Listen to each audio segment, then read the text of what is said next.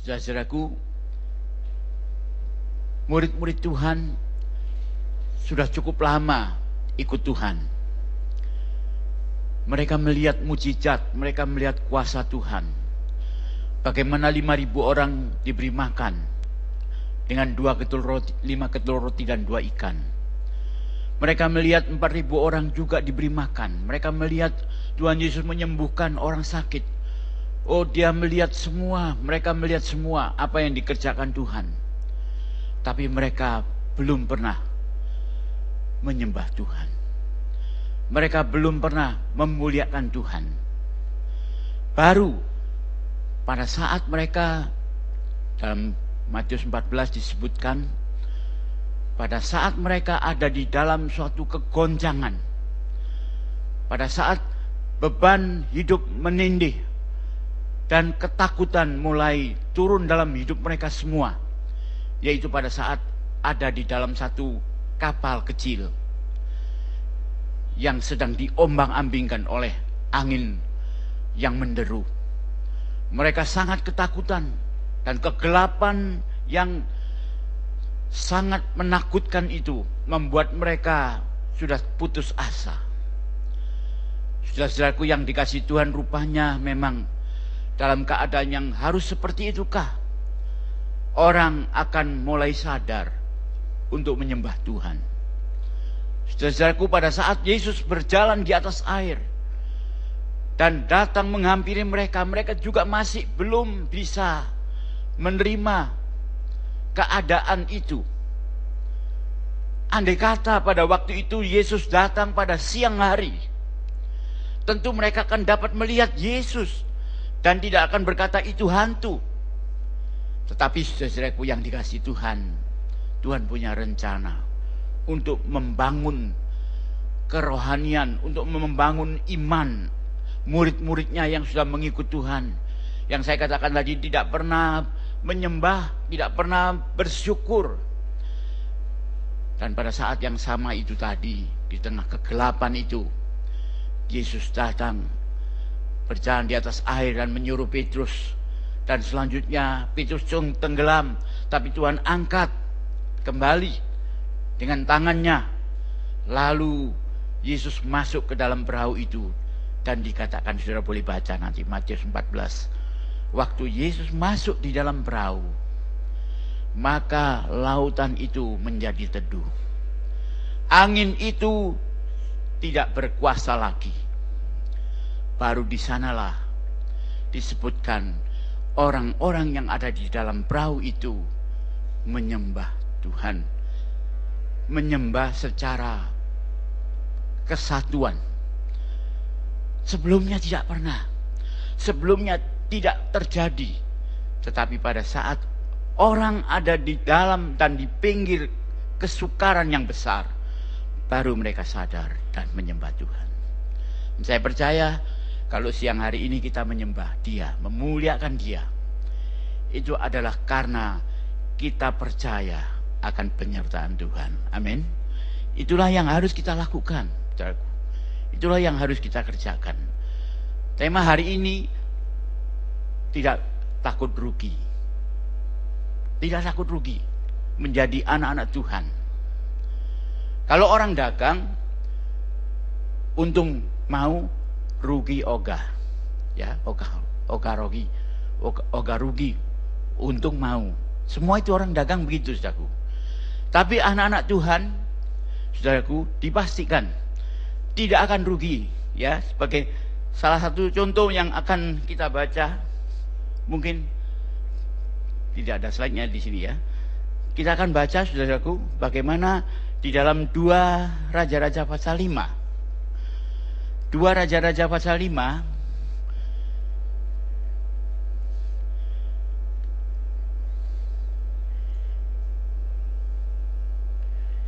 Di sini ada satu kata saudaraku yaitu tentang Naaman. Naaman itu jenderal, punya istri, punya rumah tangga. Tapi keluarga ini mengalami suatu kesulitan. Karena Naaman yang kusta itu tidak mungkin dia terus pakai baju kustanya tadi. Dia harus ganti baju. Dan untuk mengganti bajunya harus dicuci. Dan untuk mencuci tidak mungkin istrinya mau mencuci pakaian yang penuh kusta tadi.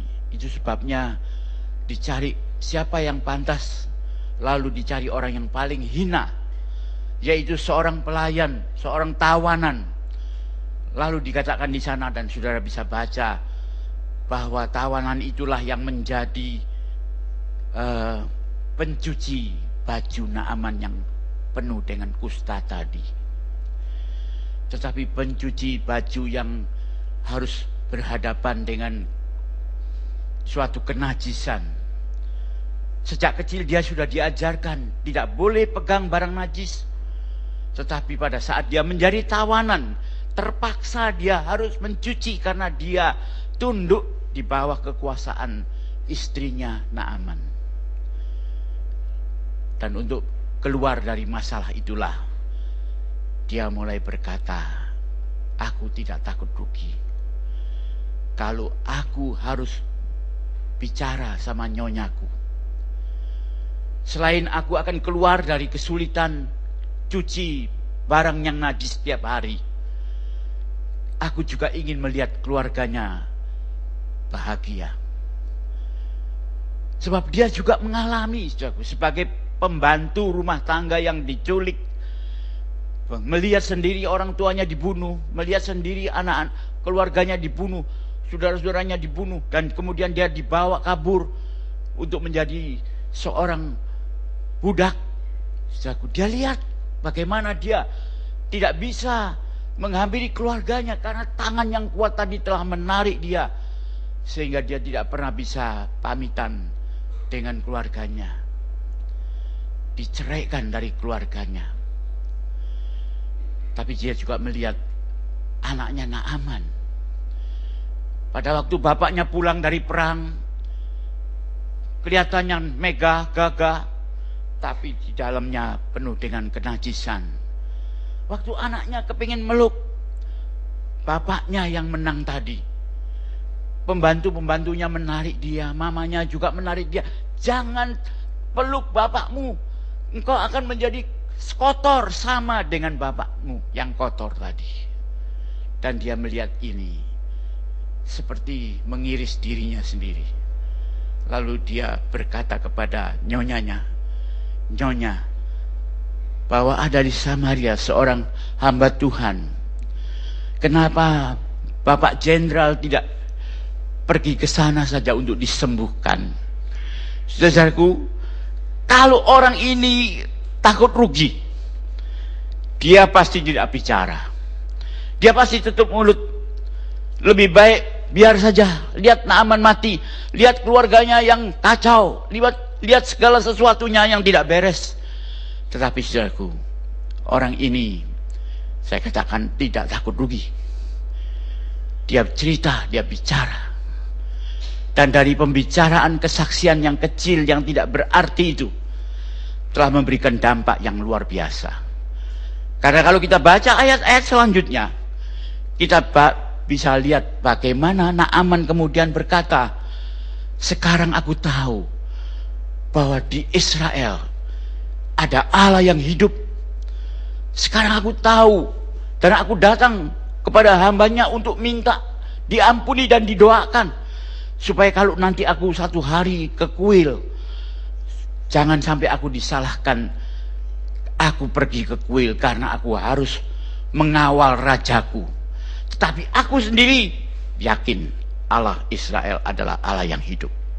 Saudaraku bagaimana Tuhan bekerja melalui kesaksian yang kecil tadi itu datang karena ada orang yang tidak takut rugi Saudara-saudaraku yang dikasih Tuhan, juga kalau kita tidak takut rugi di dalam beribadah, berbakti, dan menghadap hadirat Tuhan, tidak takut rugi, karena kita tahu di balik kerugian ada keuntungan yang besar. Di dalam pengorbanan-pengorbanan yang kecil, ada keselamatan yang kekal yang sudah disediakan oleh Tuhan kepada setiap orang yang tidak takut rugi tadi. Saudara-saudara yang dikasih Tuhan, contoh yang kedua, kita juga melihat di dalam dua raja-raja. Dilanjutkan, saudaraku, bahwa Naaman yang sudah sembuh tadi, karena dia dibasuh di dalam sungai Yordan sesuai dengan perintah dari Nabi Elia, dia sembuh, dia bawa hadiah, saudaraku. Dan saudaraku, kita bisa bayangkan kalau hari itu seperti sekarang ini, mungkin mobil yang mewah dari Naaman itu lewat di jalanan dengan rombongan yang besar membawa hadiah-hadiah yang jumlahnya juga tidak sedikit. Datang ke rumah seorang hamba Tuhan. Tapi hamba Tuhan bilang kami tidak bisa menerima Pak karena kesembuhan karena kuasa Tuhan tidak diperjualbelikan jadi kami tidak bisa menerima mohon maaf tidak diterima tapi Gehasi saudaraku hamba dari Naaman itu. Dia melihat sayang itu hadiah cukup mewah. Kenapa tidak mau diterima? Terima saja. Dia lari dan dia kejar itu rombongan Naaman dan dia bilang, Tuanku Jenderal mohon maaf ada tamu baru datang dan perlu sesuatu. Dikasih saudaraku. Dikasih lalu Naaman eh, Gehasi, maaf, Gehasi mengambil hadiah itu, masukkan hadiah itu ke dalam rumahnya. Hamba Tuhan tidak tahu. Tapi hamba Tuhan tanya, dari mana kamu? Dia bilang, saya tidak dari mana-mana. Tetapi saudaraku, tangannya sudah mengambil sesuatu hadiah dan disembunyikan dalam rumahnya untuk menjadi milik pribadinya. Dan apa yang terjadi? Nabi Tuhan Elisa dia berkata, engkau akan kena kusta. Dan betul, Naaman kena kusta. Naaman mengalami sesuatu penyakit yang tidak pernah dipikirkan sebelumnya. Tetapi saudaraku yang dikasih Tuhan, kalau kita membaca di dalam uh, dua raja-raja, saudaraku, pasal yang ke-8, kalau nanti sudah baca di rumah pelan-pelan, maka di sana disebutkan ternyata Naaman yang kena kusta yang seharusnya tidak boleh ketemu sama orang, tidak boleh bicara sama orang, tidak boleh dekat sama orang itu ternyata di situ disebutkan Naaman sedang bicara, ngobrol dengan raja. Raja Samaria pada waktu itu bicara sama Naaman. Bicara soal apa? Mungkin bicara soal-soal yang perlu dibicarakan. Raja kepingin tanya pendapatnya Gehasi seperti apa. Ya, Gehasi bukan nama Gehasi. Saudara-saudaraku. Dan apa yang terjadi, saudaraku? Kenapa nama eh, Gehasi yang sudah kena kusta itu masih boleh ketemu sama raja? Ternyata saudaraku di dalam pasal sebelumnya disebutkan di sana. Saya minta maaf, Ibu Marta bisa tolong ambilin air minumnya. ya puji Tuhan, saudaraku. Wah, terima kasih.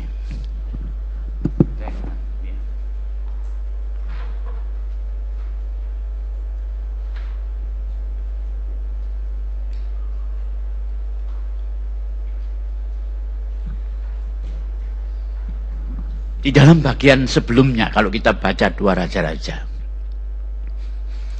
Kita bisa menemukan saku.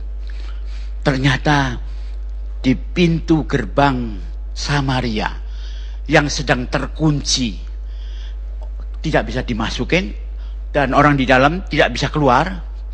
Di depan pintu gerbang itu ada empat orang kusta. Masuk nggak bisa, keluar nggak bisa.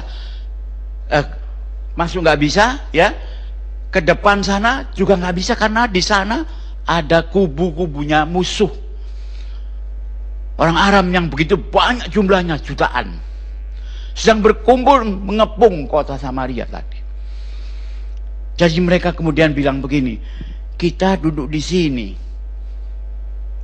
makan nggak ada masuk nggak bisa ke depan sana musuh tapi yang paling tua, biasanya yang paling tua punya ide.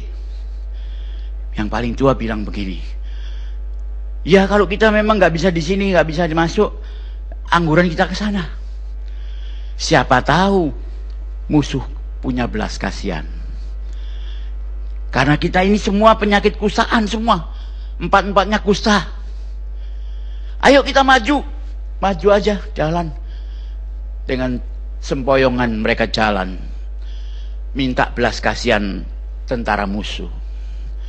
Tetapi waktu mereka sampai di sana ternyata semua tenda-tenda itu kosong. Waktu dibuka tirainya yang ada cuma masakan, pakaian, ada opor, ada kambing, ada domba, kambing guling, domba guling-guling. Ya, aku semua di sana. Dia lihat lagi yang lain sama.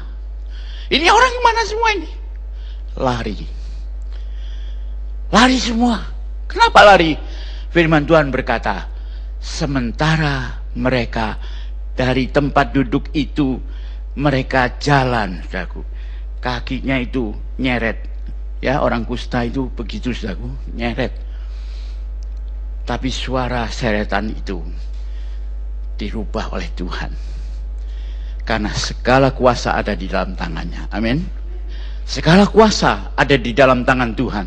Dan dia sanggup merubah suara yang lemah tadi menjadi suatu suara yang begitu gemuruh, begitu kuatnya, seperti tentara yang jumlahnya besar sekali, dan itu yang menakutkan tentara-tentara yang sedang tidur-tiduran mengepung Samaria tadi.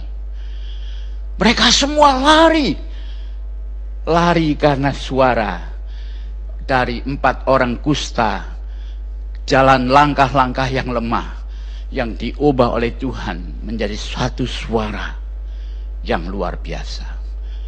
Oh, saudara-saudaraku yang dikasih Tuhan, lalu mereka masuk tenda, makan, opor, kambing panggang, babi panggang, semuanya panggang, dimakan semua. Lalu mereka melihat lagi ada pakaian-pakaian yang bagus, ada barang-barang bagus milik tentara yang ditinggalkan tadi. Mereka mulai coba untuk ambil-ambil. Tapi saudaraku, kembali lagi. Yang paling tua. Sudah tahu siapa yang paling tua? Firman Tuhan jelas mengatakan bahwa Naaman dan anak-anaknya pada waktu mereka mencuri hadiah eh, Gehasi ya maaf. Gehasi yang waktu mencuri barang-barang itu adalah orang yang tertua sebab dikatakan hei Gehazi engkau dan anak-anakmu akan mengalami penyakit kusta. Berarti orang yang paling tua dalam keluarga Gehazi adalah Gehazi dan biasanya orang yang paling tua itulah yang memberikan ide lagi. Dia bilang begini pada waktu mereka sudah makan makan makan mereka kemudian berkata tidak baik kalau kita makan kita ambil pakaian ini lagi. Tidak baik kalau kita teruskan cara kita ini. Kenapa tidak baik? Karena sudah ada pengalaman. Dulu aku tidak ada yang tahu. Menerima hadiah dari Naaman, jenderal itu. Lalu terjadilah waktu aku sudah terima hadiah itu. Aku menjadi kusta dan aku menjadi orang paling tua di dalam keluargaku yang terkena akibatnya. Dan sekarang aku dan keluargaku pada waktu aku mulai mencoba kepingin tapi aku tahu waktu yang lalu itu menjadi satu pengalaman yang buruk. Aku tidak mau mengulangi lagi. Sekalipun orang bilang kamu rugi kalau enggak ngambil. Kamu rugi nyesel kalau tidak melakukan. Tapi Ki Hasi hari itu dia berkata, kami tidak takut rugi. Sekalipun kami tidak memiliki harta seperti dulu itu, kami tidak takut rugi. Jadi kami akan kembali ke kota, kasih tahu orang yang di atas tembok itu, buka pintunya. Di sana ada barang banyak. Orang yang kelaparan di dalam kota itu boleh keluar dan makan. Oh saudaraku yang dikasih Tuhan. Itulah yang terjadi pada waktu mereka tahu. Saudara-saudaraku. Bahwa musuh memang sudah lari. Maka semua orang keluar dari pintu gerbang yang tadi tertutup. Dan saudara tahu sendiri bagaimana kalau rombongan yang begitu besar keluar dalam satu waktu yang sama.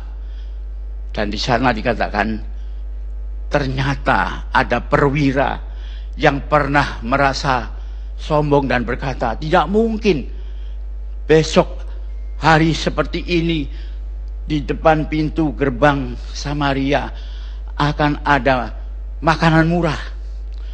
Tak mungkin Gak mungkin terjadi. Tapi Nabi Elia waktu itu berkata, itu mungkin. Tapi engkau hanya melihat dan tidak merasakan. Dan ternyata saudaraku yang tidak percaya omongan hamba Tuhan tadi, dia mati keinjak-injak. Dan siapakah dia saudaraku?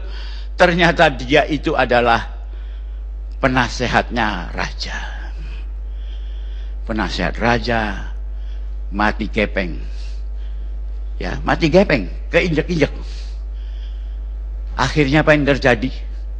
Kalau semuanya itu sudah selesai, rakyat bisa dapat makan lagi dan semua keadaan normal, tinggal satu orang yang kebingungan. Bingung. Siapa itu yang bingung? Raja itu sendiri. Sebab penasehatnya sudah mati. Dia perlu cari ganti. Siapa yang menggantikan jadi penasihat raja? Saudaraku, tidak ada orang lain. Tetapi ada, yaitu Gehasi tadi. Kok bisa Gehasi yang sakit kusta bisa sembuh? Kok bisa Gehasi yang sakit dan tidak boleh ketemu orang itu bisa ketemu orang lagi? Saudaraku, ternyata di sinilah kuasa Tuhan yang tidak terbatas, yang telah mengasihi. Tidak ada sesuatu yang curang di hadapannya. Tidak ada sesuatu yang negatif padanya. Semuanya penuh dengan kemuliaan Tuhan, penuh dengan kasih sayang. Dan waktu Kiasi sadar bahwa dia berkata, kita tidak boleh seperti ini lagi. Kita sudah pernah punya pengalaman pahit kita harus menjadi orang-orang yang bertobat. Saudaraku di dalam pertobatan kihasi itulah Tuhan mengasihani. Tuhan mengampuni. Waktu mereka berjalan sama-sama kembali ke tempat kota yang tertutup tadi dan berkata buka pintu. Saudaraku ternyata kuasa Tuhan mentahirkan mereka. Mungkin kurang disebut jelas di dalam Alkitab bahwa pada waktu mereka berjalan dari pertobatan menuju membawa kabar sukacita dengan kekuatan kami tidak takut rugi. Saudaraku, di situlah Tuhan menyatakan kuasa. Di dalam perjanjian baru, ada sepuluh orang kusta. Dan mereka minta kemurahan Tuhan. Yesus, kasihanilah kami, tahirkanlah kami. Karena kami sudah dikucilkan. Dijauhkan dari keluarga kami semua. Kami tidak punya sesuatu harapan lagi. Yesus melihat sepuluh orang tadi. Dan dia hanya berkata, pergilah tunjukkanlah dirimu kepada imam-imam dan penuhi persyaratannya bagaimana tahirnya seorang itu dan lakukanlah itu. Mereka semua sepuluh-sepuluhnya gandengan. Jalan menuju ke tempat yang ditunjukkan oleh Tuhan Yesus. Mereka mengimani firman itu dan apa yang terjadi pada waktu mereka berjalan itulah dikatakan oleh Alkitab mereka ditahirkan. pada waktu itulah Allah turunkan kemurahan Tuhan. Sama seperti Gehasi tadi, empat orang ini berjalan dan berkata, aku tidak takut rugi. Keluarlah, makanlah, nikmatilah. Saudara-saudaraku yang dikasih Tuhan, langkah-langkah itu juga menjadi pola dari Tuhan menyembuhkan, mentahirkan orang-orang percaya. Jadi ada tindakan. Lalu Tuhan menyatakan kuasa. Nah sekarang sudah saudaraku yang dikasih Tuhan. Kalau kita sudah melihat tadi, sebenarnya di dalam Alkitab ini begitu banyak orang yang sudah sama-sama juga berkata kami tidak takut rugi. Banyak saudaraku. Sekarang kita melihat satu orang yang takut rugi. Ya. Tadi kan tidak takut rugi. Sekarang yang takut rugi siapa itu? Saya ambil contoh salah satu karena waktu. Salah satunya adalah seorang yang namanya uh, Kain.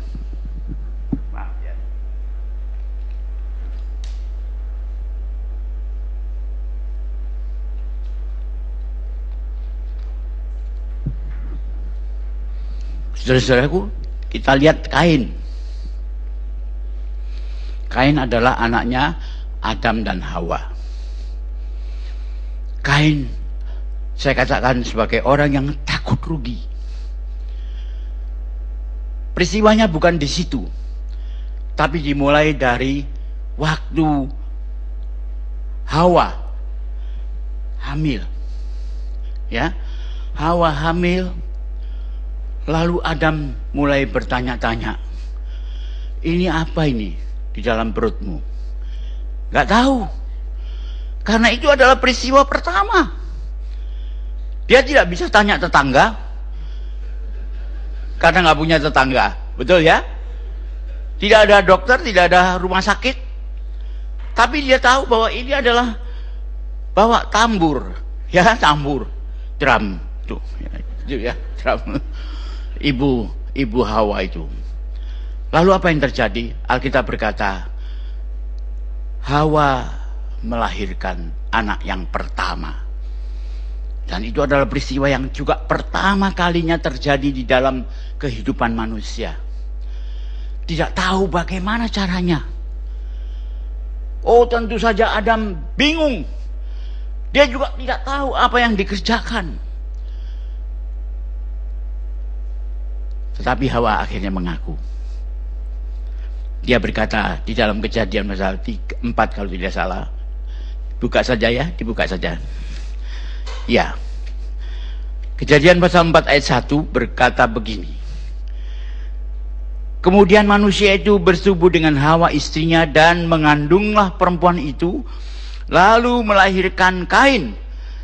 Maka kata perempuan itu, aku telah mendapat seorang anak laki-laki dengan pertolongan Tuhan. Ya saudaraku, yang yang ngomong ini adalah orang yang pernah bilang barangkali, aku diusir sama Tuhan. Aku tadinya sama suamiku ada di zaman Eden. Komplit di sana makan. Aku cuma salah.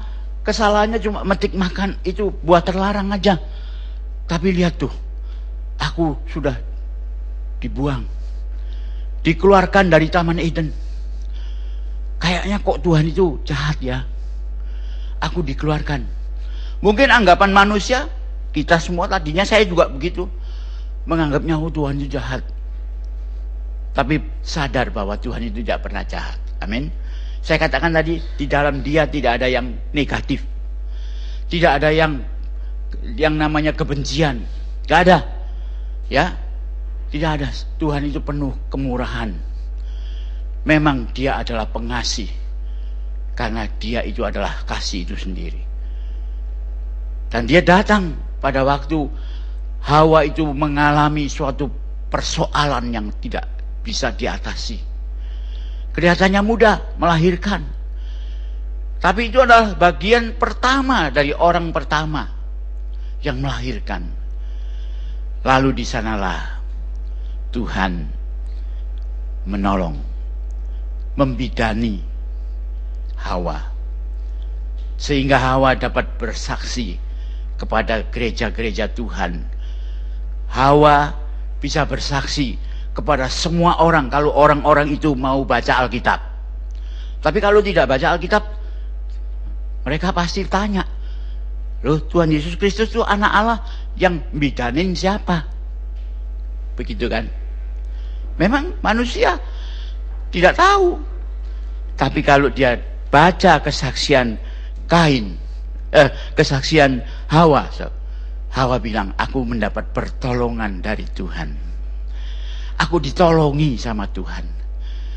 Kasiannya Tuhan itu telah turun dalam hidupku. Sehingga aku yang tidak tahu harusnya mati barangkali. Tapi oleh kemurahan Tuhan, aku bisa melahirkan anak. Lalu anak yang kedua, Habil bagaimana? Alkitab tidak menceritakan, berarti tidak ada masalah dengan kelahiran Habil. Karena Tuhan juga pasti menolong kelahiran itu. Jadi saudaraku di dalam itu, maka Adam dan Hawa mulai membesarkan anaknya. Memang tidak tidak setahun sekali saudaraku Adam eh, Hawa itu punya anak Kain dan Habil. Mungkin beberapa tahun ya bedanya cukup cukup banyak juga mungkin ya. Di situ kita lihat kekuatan Kain eh kekuatan ya Kain tidak sama dengan kekuatan Habil. Ya. Kain lebih kuat. Habil tidak terlalu kuat. Itu sebabnya gampang dilakukan sesuatu atas Habil. Tetapi saudaraku yang dikasih Tuhan, bukti bahwa rasa syukurnya Adam dan Hawa itu telah mengajar mereka kepada anak-anaknya. Anak-anak, mengucap syukur ya sama Tuhan. Bahwa Tuhan itu telah menolong mamamu. Engkau lahir itu karena anugerah kemurahan kasih sayang Tuhan. Jadi ucapkan syukur sama Tuhan ya. Persembahkanlah apa hasil kerjamu. Sebab itu dikatakan kain itu menjadi orang yang bertani, Habil peternak. Saudaraku, sudah lama mungkin bertahun-tahun kain saja yang masih memberikan persembahan. Baru kemudian waktu Habil mulai besar, dia juga diajarin sama papa mamanya. Kasih persembahan sama Tuhan, ucapkan syukur. Habil mulai memberikan. Cuma ternyata memang dikatakan persembahan kain kurang diperhatikan Tuhan. Bukan karena kurang banyak. Tetapi persembahan Habil diterima oleh Tuhan. Juga bukan karena dia banyak. Saudaraku, tetapi ada hati. Ada hati yang cinta Tuhan. Cinta Tuhan. Dia mencintai Tuhan. Tapi kalau Kain dia pikir, ah buat Tuhan, Tuhan sudah kaya. Untuk apa kita kasih yang bagus-bagus? Kasih sisa-sisa. Yang kurang bagus. Yang afkir. Kasih sama Tuhan. Tapi Hawa, eh, Habil saku tidak. Dia cari yang terbaik. Yang tidak ada cacatnya. Yang dia bilang, aduh, kalau tidak harus mempersembahkan, ini adalah milikku yang paling baik. Tapi milikku yang baik ini akan kuberikan kepada Tuhan. Karena memang dari dia semuanya ini. Dari dia milikku ini. Saudara-saudaraku yang dikasih Tuhan, saya punya pengalaman yang luar biasa dari persembahan ini. Waktu gereja kami mulai membuat peti persembahan, ya saudaraku karena saya menggantikan almarhum gembala kami yang meninggal mendadak maka tadinya itu persembahan kecil saudaraku kecil sekali. Lalu rapat di dalam gereja persembahannya bikin yang baru aja. Itu sudah ambil rubuh. Peti persembahannya itu ambil rubuh karena kakinya goyang. Goyang kanan kiri ya karena anak-anak sekolah minggu itu suka buat mainan. Jadi dibikin persembahan. Tapi saudaraku, waktu kami mengajarkan tentang persembahan. Bawalah persembahan ke dalam rumah Tuhan. Supaya ada makanan di dalam rumah Tuhan. Saudaraku, jemaat masih belum mengerti. Pikir masih seperti kolektor. Tapi saudaraku yang dikasih Tuhan sebenarnya Kain eh, dan Habil itu juga diukur hatinya. Bukan diukur harganya. Tidak, saudaraku. Diukur hatinya. Anania Sapira juga diukur bukan jumlahnya. Hatinya. Saudara-saudaraku yang dikasih Tuhan, orang muda yang kaya itu juga dipanggil Tuhan, bagikan hartamu, bagikan kepada orang miskin, ikut aku. Hatinya, kalau hatimu dekat dengan Tuhan, engkau akan terima jauh lebih besar daripada apa yang kau berikan. Saudaraku, itulah yang terjadi. Lalu kami mulai mengajarkan jemaat. Kemudian mereka mulai memberi. Saudaraku berapa tahun, berapa bulan ada yang bilang begini. Om, bisa nggak itu tempat persembahan? Di sini belum ada persembahannya. Tidak ada ya. Saudaraku, kalau bisa memang gereja harus bikin. Harus. Kami bikin itu biasa saja, saudaraku. Ya, amplop masuk dua tiga lembar sekaligus bisa. Tapi saya diprotes. Bikinnya jangan terlalu kecil. Lubangnya itu diperbesar. Sampai kira-kira hampir satu senti. Tadinya cuma tipis saja, tipis. Cuma berapa amplop saja masuk. Suruh bikin lebih besar. Saya bilang, loh, begitu ya, puji Tuhan. Sebab gereja kalau ada yang memberikan persembahan tebal begitu, saudaraku, gereja itu akan berkembang, akan maju. Saudaraku, bayangkan apalagi kalau di Australia sini. Rupiah aja 10 ribu, di sini cuma satu dolar, ya. Bayangkan kalau segini rupiah, 100 ribu, nggak berapa, saudaraku. Tapi kalau segininya ratusan dolar Australia segini dan itu bisa masuk ke situ. Bagaimana saudaraku gereja bagaimana? Bisa punya dana. Tapi jangan lupa bukan gerejanya yang untung saja tapi pemberinya juga diuntungkan apakah sudah tidak rindu punya tumpukan ratusan dolar sembilan kali segini karena yang satu sudah masukkan, yang sembilan sudah punya. Sepuluh persen sudah masukkan, itu satu. Yang sembilan puluh persen itu ada di tangan kita yang memberikan. Siapa yang tidak rindu kalau dia punya tumpukan ratusan dolar segini tapi sembilan tumpuk. Bayangkan aku ya, itu janji Tuhan. Tapi sama sekali jangan bilang saya seperti orang judi saya mau kasih satu supaya Tuhan kasih sepuluh. Biasanya nggak dapat. Iya betul. Harus ada hati. Kalau hati kita penuh sukacita, maka Tuhan pasti akan mengasihi. Sebab janji Tuhan itu ya dan amin. Tidak pernah dia ingkar janji. Ya, itu sebabnya saudaraku yang dikasih Tuhan, kata aku tidak takut rugi itu.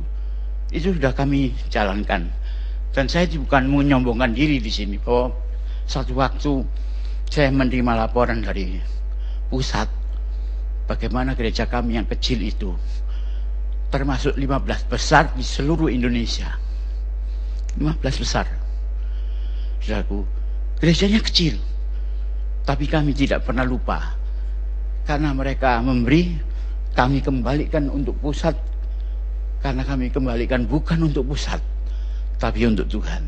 Karena itu firman yang ada di dalam Alkitab. Ya, oleh sebab itu kalau orang bilang oh perpuluhan itu kan zaman dulu. Zamannya Kain dan Habil sudah diberikan, diajarkan. Itu sebabnya kita melihat saudaraku, Habil tidak disebutkan bagaimana hasil kehidupannya. Tetapi Kain yang memberikan dengan takut rugi tadi. Akhirnya dia harus lari. Dan Tuhan bilang siapa yang membunuh Kain akan berlipat ganda dia dianiaya dan dibunuh karena kejahatan itu. Itu sebabnya bagi kita anak-anak Tuhan yang percaya, yang mau bertumbuh dan yang mau makin dewasa dan diberkati Tuhan. Jangan cuma puas karena kita mendapatkan setumpuk saja. Tapi lakukan itu. Dan lihatlah Tuhan sampai bilang, ujilah aku. Kalau tidak aku akan turunkan dan buka tingkap-tingkap langit untuk mencurahkan segala berkat ke dalam rumahmu. Dan kita sering kali, oh ini janjinya gereja, pendeta paling suka. Saya enggak, saudaraku. Saya justru di dalam ke kebaktian sangat jarang sekali membicarakan soal persembahan. Tapi sekali kita sudah mengerti, oh saudaraku, kita akan terus akan lakukan. Karena memang kemurahan Tuhan itu tidak ada akhirnya tidak pernah-pernah berhenti. Sebab itu saya ingin mengajak kalau saudara ingin diberkati Tuhan, lakukanlah apa yang diperintahkan oleh Tuhan. Bukan diperintahkan oleh gereja, oleh uh, sinode, oleh pendeta, bukan. Itu adalah perintah Tuhan yang perlu kita jalani dengan sukacita karena di dalamnya ada hati yang disadarkan dari semuanya itu. Saya minta maaf, saya minum lagi. Saya pegang-pegang ini. Esnya dingin sekali. Saya pikir ini pabrik air ini pakai es balok berapa banyak ini untuk mendinginkan air ini ya. Hmm. Puji Tuhan. Saya tidak akan memperpanjang lagi firman Tuhan. Tapi saya percaya firman Tuhan tidak akan kembali dengan sia-sia. Dia akan menyatakan kuasanya. Dia akan menggenapi janjinya itu. Karena janji itu ya dan amin. Dan bagi kita sekalian, saudaraku, perlu mengambil kesempatan sudah dengar, ambil kesempatan. Kesempatan yang tidak diambil akan lari. Ya, saudaraku itu sebabnya kalau ada pemusik yang sudah ada, boleh naik ke atas, pemusik. Pemusik. ya. Ada ya? Ada satu, satu lagu saudaraku, kesempatan. Hidup ini adalah kesempatan. Ya, kesempatan. Saya mengucap syukur sama Tuhan. Ternyata kesempatan yang dulu saya nggak ngerti saya ambil. Walaupun saya tidak belajar dari gereja, dari buku, dari nyanyian ini, tapi saya lakukan. Kesempatan apa? Saya punya anak asuh 14 orang. Punya anak sendiri tiga orang Paula, Markus, Petrus. Ya.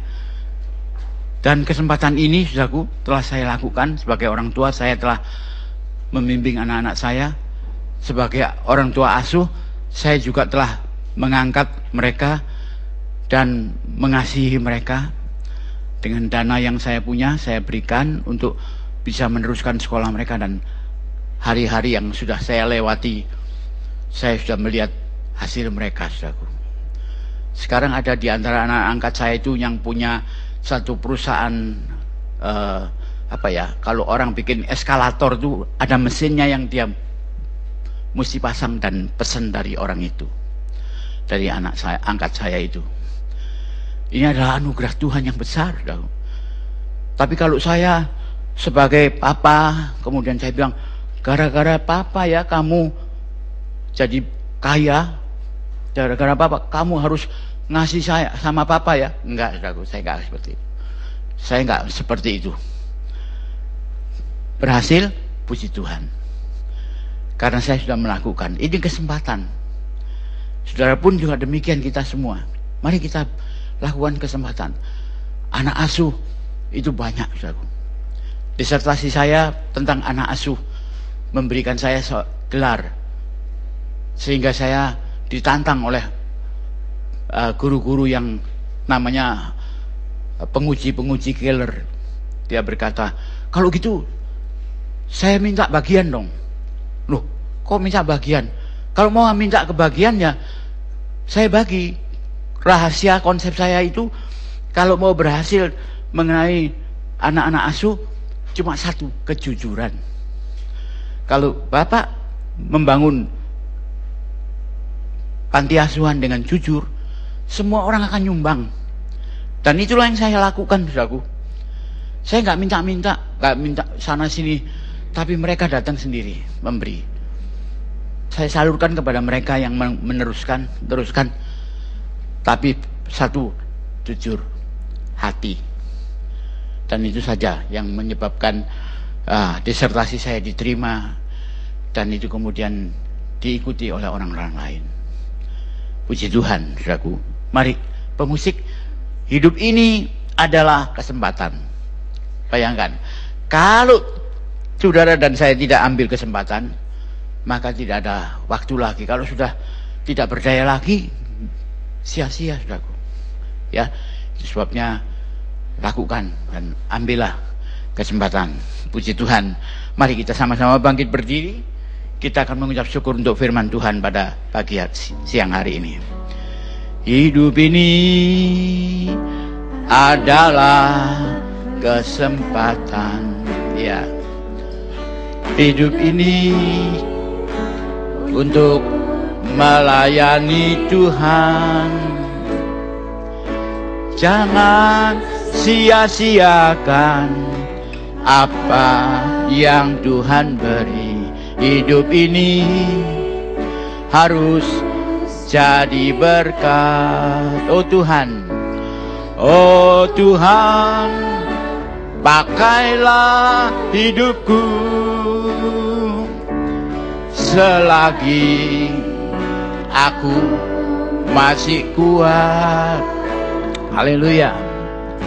Bila saatnya nanti Tak berdaya lagi hidup ini. Sudah jadi berkah. Saya kena betul saudaraku sama lagu ini. Bila saatnya nanti aku tidak berdaya lagi.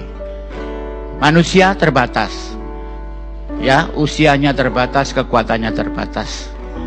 Saya tahu nanti satu kali, satu hari Saya tidak akan berdaya lagi. Tapi saya tidak akan nyesel Kenapa? Saya sudah lakukan. Kesempatan sudah saya kerjakan. Takut apa lagi? Saya sudah mengakui Tuhan di hadapan sidang jemaat Tuhan, di hadapan orang-orang yang saya beri kesaksian. Dan saya berdiri di atas janji Tuhan.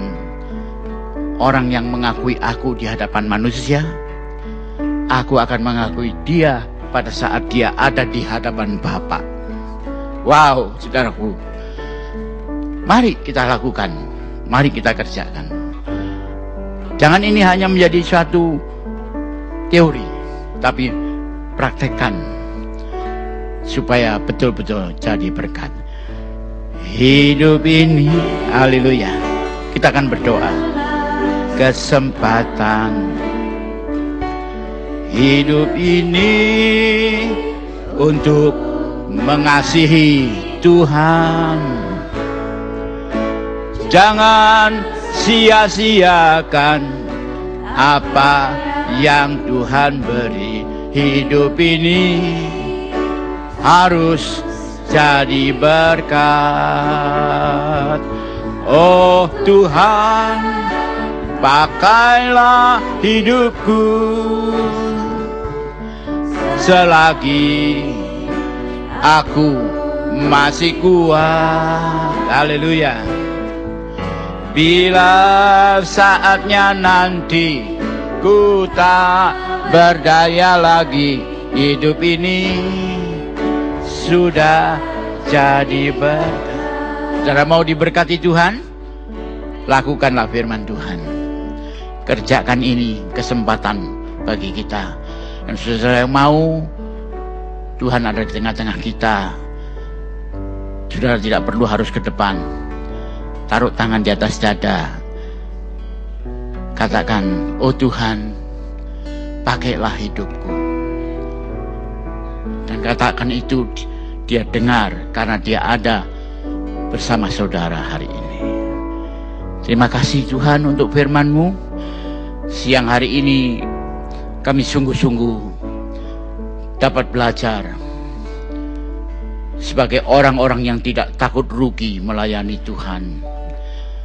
Baik itu pelayanan pujian, musik, atau apa saja yang kami lakukan.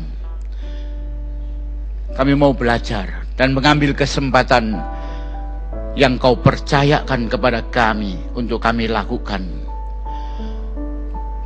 Dari mata manusia, pelayanan kami mungkin tidak berarti.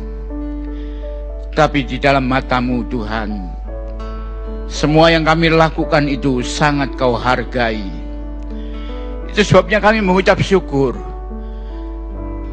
Tidak kebetulan kami hadir pagi ini, tapi kami boleh menerima pesanmu.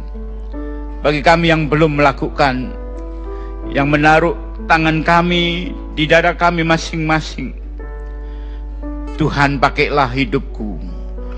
Pakailah kami ya Tuhan. Di mana kau tempatkan dan kau taruh kami. Biarlah di sana kami bisa menjadi berkat. Terima kasih Terima kasih Tuhan. Hamamu selesai. Roh Kudus teruskan karyamu secara bebas. Mengajar kepada kami sekalian. Untuk kami boleh memahami dan makin mendalami betapa besarnya kasihmu Tuhan. Terima kasih Bapak. Kami mengucap syukur menerima segala berkatmu dalam nama Tuhan Yesus Kristus. Sehingga kami boleh pulang dengan sukacita. Sakit disembuhkan, lemah dikuatkan, dan yang terjatuh dibangunkan kembali. Dalam nama Yesus kami sudah berdoa. Yang percaya, mari kita katakan sama-sama. Amin. Amin.